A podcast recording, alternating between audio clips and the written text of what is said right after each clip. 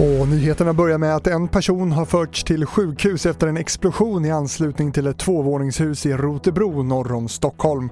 Explosionen som inträffade vid tretiden skadade även fastigheten och området är avspärrat i väntan på bombtekniker. Polisen har evakuerat övriga boende i huset och en förundersökning om allmänfarlig ödeläggelse är inledd.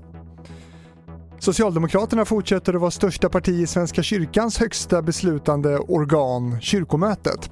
Det står klart då de preliminära resultaten i kyrkovalet nu har kommit in. Dessutom har två nykomlingar tagit plats, Alternativ för Sverige och Himmel och jord. Och vi avslutar med stjärnglans då den stjärnspäckade Emmygalan i Los Angeles i USA hölls i år med gäster och nominerade på plats. The Crown blev en av de stora vinnarna.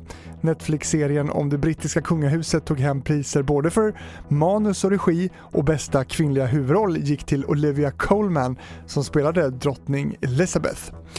Fler nyheter hittar du i vår app TV4 Nyheterna. Jag heter Fredrik Rahlstrand.